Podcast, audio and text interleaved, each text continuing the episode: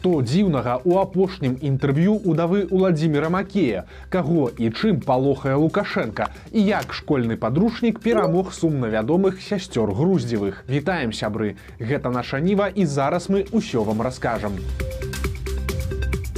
Днямі свой юбілей адсвяткавала Вера Палякова, актрыса тэлевядучая і ўдава міністра замежных спраў Уладзіміра Макея. Ёю споўнілася 45 гадоў і з гэтай нагоды Палякова дала інтэрв'ю порталу блізка бай. І вось што звяртае на сябе ўвагу ў яе словах. Цяпер Палякова грае маргарыту ў спектаклі па рамане Булгакова. І ў інтэрв'ю яна кажа, што гэтая пастаноўка яе споведь і даніна мужу.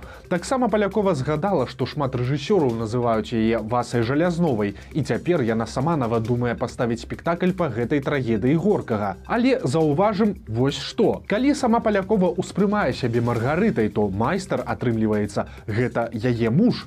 Але ж майстар у кнізе булгакова гэта чалавек якога фактычна зацкавалі і закатавалі калегі і які у выніку атрымаў спакой толькі дзякуючы дапамозе воланда то бок д'ябла. Але з п'есай пра вас у жалязнову яшчэ цікавей. У ёй апісваецца жыццё багато багатай жанчыны. Ёй 42 мужу 60 калі што у паляковай і макея розніца была ў 20 гадоў. Але ж у п'есе муж капітан жалязноў гэта слабы чалавек які ідзе на повадзе ў сваіх заганаў. Сям'ёй і справамі кіруе яго жонка васа. У выніку капітана жалязнова ловіць у бардэлі. Сям'і пагражае ганьба і васа фактычна штурхае яго на самагубства каб пазбегнуць суда і розгаласу. Улічваючы што па адной з версій макей мог скончыць жыццё самагубствам такія заявы яго удавы вы трошки здзіўляюць. Не будемм разводзіць канспіралогію. Канешне магчыма што палякова нічога такога не мела на ўвазе але ж глядзяцца яе словы мякка кажучы неадназначна. а Сёння Лукашенко выступіў перад дзецьмі, прыгажунямі і ветэранамі. У палацы незалежнасці прайшла яго сустрэча, куды правялі даволі разнастайную публіку. Там былі дзеці піянеры і актывісты БРСМ, ужо не маладыя ветэраны савецкага камсамольскага руху, а таксама фіналісткі конкурсу прыгажосці міс Беларусь. Адпаведна і сам Лукашенко нагаварыў ім пра ўсё на свеце. Ён з гонарам прызнаў, што журналісты яго пула гэта не рэпарцёры, а прапагандысты і агітатары. Пахваліў савецкі камсамол і свой БРСМ БСМ парэкламаваў вясковае жыццё і працу ў сельскай гаспадарцы. Даў Лукашенко зразумець і пра свой густ. Яго палац незалежнасці звонку нагадвае лядовы палац у Туркменістане, а ўнутры нашпігаваны золатам у стылі дорага багата.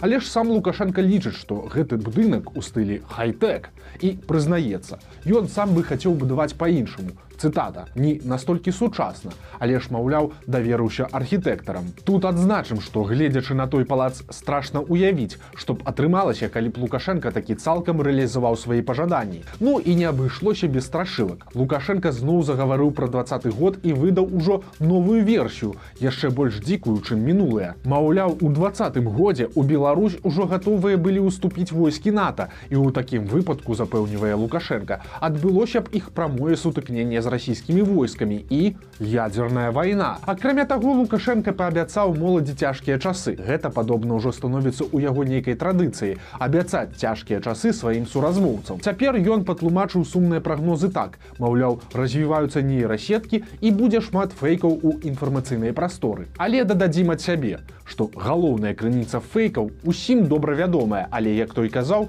не будзем паказваць пальцам элітныя кватэры на касцях. У брэсце пачнуць будоўлю на месцы масавага пахавання. У 19 годзе у цэнтры горада пачалася будоўля але падчас раскопак знайшлі парэшткі 1200 чалавек. Гэта былі людзі расстраляныя ў габрэйскім гета падчас другой сусветнай вайны. Тады грамадскі рэзананс спыніў будоўлю. А брэсцкія ўлады паабяцалі што на месцы страшных знаходак дамы будаваць не будуць а разаб'юць сквер. Цяпер калі шум сціх рашэння змянілі і на месцы пахаванняў пабудуюць элітны жылы комплекс. Працы пачнуцца ўжо ў наступным годзе. Прычым такога рашэння можна было чакаць. Надта ўжо добрае месца. Гэта самы цэнтр горада і кватэры там будуць прадавацца за вельмі вялікія грошы. Калі, канешне, пакупнік не супраць жыць на месцы масавага пахавання альбо зусім побач з ім. Цікава таксама, што робіцца гэта на фоне паказальнай кампаніі ўладаў і сілавікоў пра генацыд беларускага народа ў другой сусветнай. Генацыд генацыдам, а грошы трэба. Увага! Дапамога патрэбная сёстрам груздзевым. Гэта не вучэбная трывога. Адну з лукашэнкаўскіх прыхільніц паставіў у тупік падручнік па беларускай мове для 5 класа. У заданні трэба было знайсці галоўныя і залежныя словы ў вершы рыгора барадуліна. Тут спадарня груздзева трошки забуксавала. Друзья, домашнее задание для пятого класса. Видите стишок, тут уже крылые чароды, собраўся вырай малады, ад развітальнай песні шчырай, тужліве робіцца ў палях, ляціць у вырай новы вырай, каб паўтарыць адвечны шлях. Вы пішаце з верша словазлучэнні, які адпавядаюць наступленым схемам. Якое, ну, видите, прыметнік назоўнік, потом што, які прыметнік плюс назоўнік, дзе слоў, я ничего не понимаю вообще Праўда заданнем спадарня груздзева справілася але калі вы думаеце што яна разабралася то не правільныя адказы груздзева просто нагугліла набліжаюцца халады а гэта значыць што нас чакае і сезон захворванняў прычым нікуды не падзеўся і коронавірус але калі вы хочаце цяпер зрабіць сабе прышчэпку ад кароны то варта добра падумаць якую бо расійскі спутнік ві які актыўна выкарыстоўваюць у наших паліклініках не ратуе ад апошніх штамаў кавіда. Про такую праблему паведаміў акадэмік александр гінзбург кіраўнік расійскага цэнтра імя гамалеі дзе і быў распрацаваны спутнік. Па словах гінзбурга ўжо летом калі з'явіўся штат стан амікрон эфектыўнасць спутніка упала аж у 8 разоў.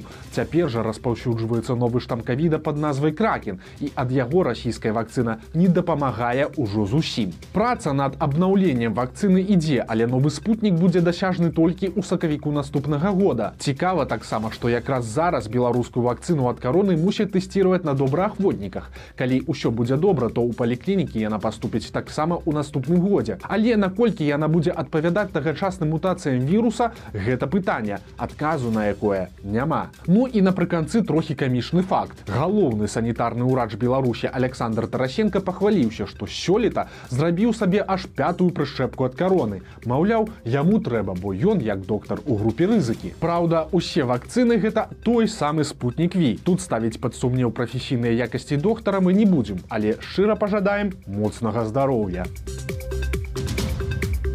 Арыну сабаленку выразалі. Славутая амерыканская тэнісістка Сірена Уильямс выклала на сваёй старонцы ў нстаграме фатаграфію, але як высветлілася не цалкам. На фотаздымку амерыканкі не хапае першай ракеткі свету беларускі арыны сабаленкі, якая стаяла з краю. Поўнае фото з подпісам што за ноч беларуская тэнісістка выклала на сваёй старонцы. Чаму Уильямс вырашыла пазбавіцца ад сабаленкі невядома. Магчыма, проста зайздросціць беларуса падазраюць у крымскай дыверсіі. У верасні ў севастополі выбухнуў аўтамабіль расійскага вайскоўца.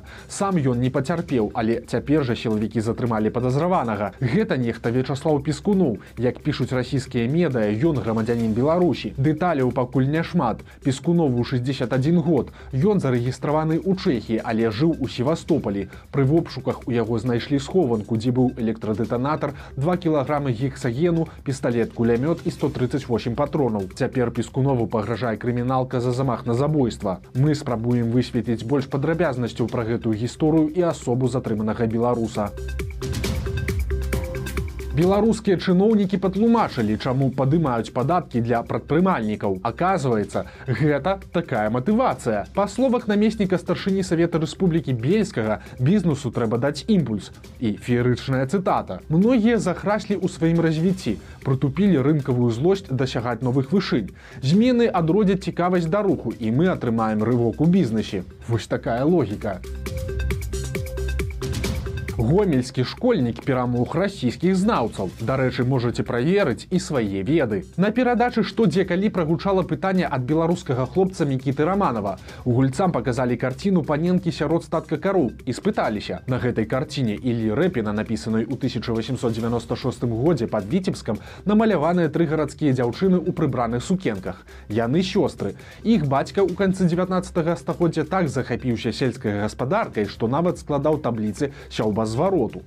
А ў яго валоданні знаходзілася 75 гектараў зямлі, 45 гектараў лесу і 40 галоў жывёлы. Хто бацька гэтых дзяўчат. Знаўцы вырашылі, што гэта хімік Дмітрый Мендзялею і памыліліся. Калі хочаце паспрабаваць адказаць самастойна, то пастаўце відэа на паўзу на хвілінку. А правільны адказ такі: бацька дзяўчат гэта аўтар карціны мастак Ілля Рэпін. У выніку на пытанні гомельскі школьнік выйграў неблагія грошы 100 тысяч расійскіх рублёў. Па сённяшнім курсе гэта прыкладна тысяча даляраў. Як называются беларускія вёскі? Чыноўнікі падзяліліся статыстыкай. Аказваецца, самая папулярная назва для вёскі ў Беларусі гэта навасёлкі. Такіх аж 111 штук па ўсёй краіне. Таксама ёсць 74 слабады, 63 забалаця і 61 каменка. Па 55 вёсак з назвамі залеся і зарэча. Самая доўгая назва ў вёскі стараганцавіцкая слабада. Самыя кароткія назвы ў хутара Ор і вёсачак Шо і я. Прыгожа, але самае важнае ў гэтай навіне навіне ўсё ж іншае. Па гэтых жа даных апошнія 5 гадоў у Беларусі не з'яўляецца новых аграгарадкоў. Гэта яшчэ адно сведчанне ціхага вымірання беларускіх вёсак, бо старыкоў там становіцца ўсё менш, а нешматлікую моладзь утрымаць вельмі цяжка. Нагадаем, што па афіцыйных звестках Белстата толькі за апошнія два гады вясковае насельніцтва скарацілася на 70 тысяч чалавек. Агулам жа у вёсках сёлах і аграгарадках жыве каля двух мільёнаў беларусаў, а гэта толькі 22 проценты насельніцтва. Усе астатнія 78% жыхары гарадоў. Вось такія навіны аўторка. Подписывайтесь на канал, ставьте лайки альбо дызлайки, выказывайте свои заўвагі ў каментарах. І, канешне, чытайце нашу ніву, глядзіце нашу ніву і любіце Беларусь. Сустрэнемся заўтра.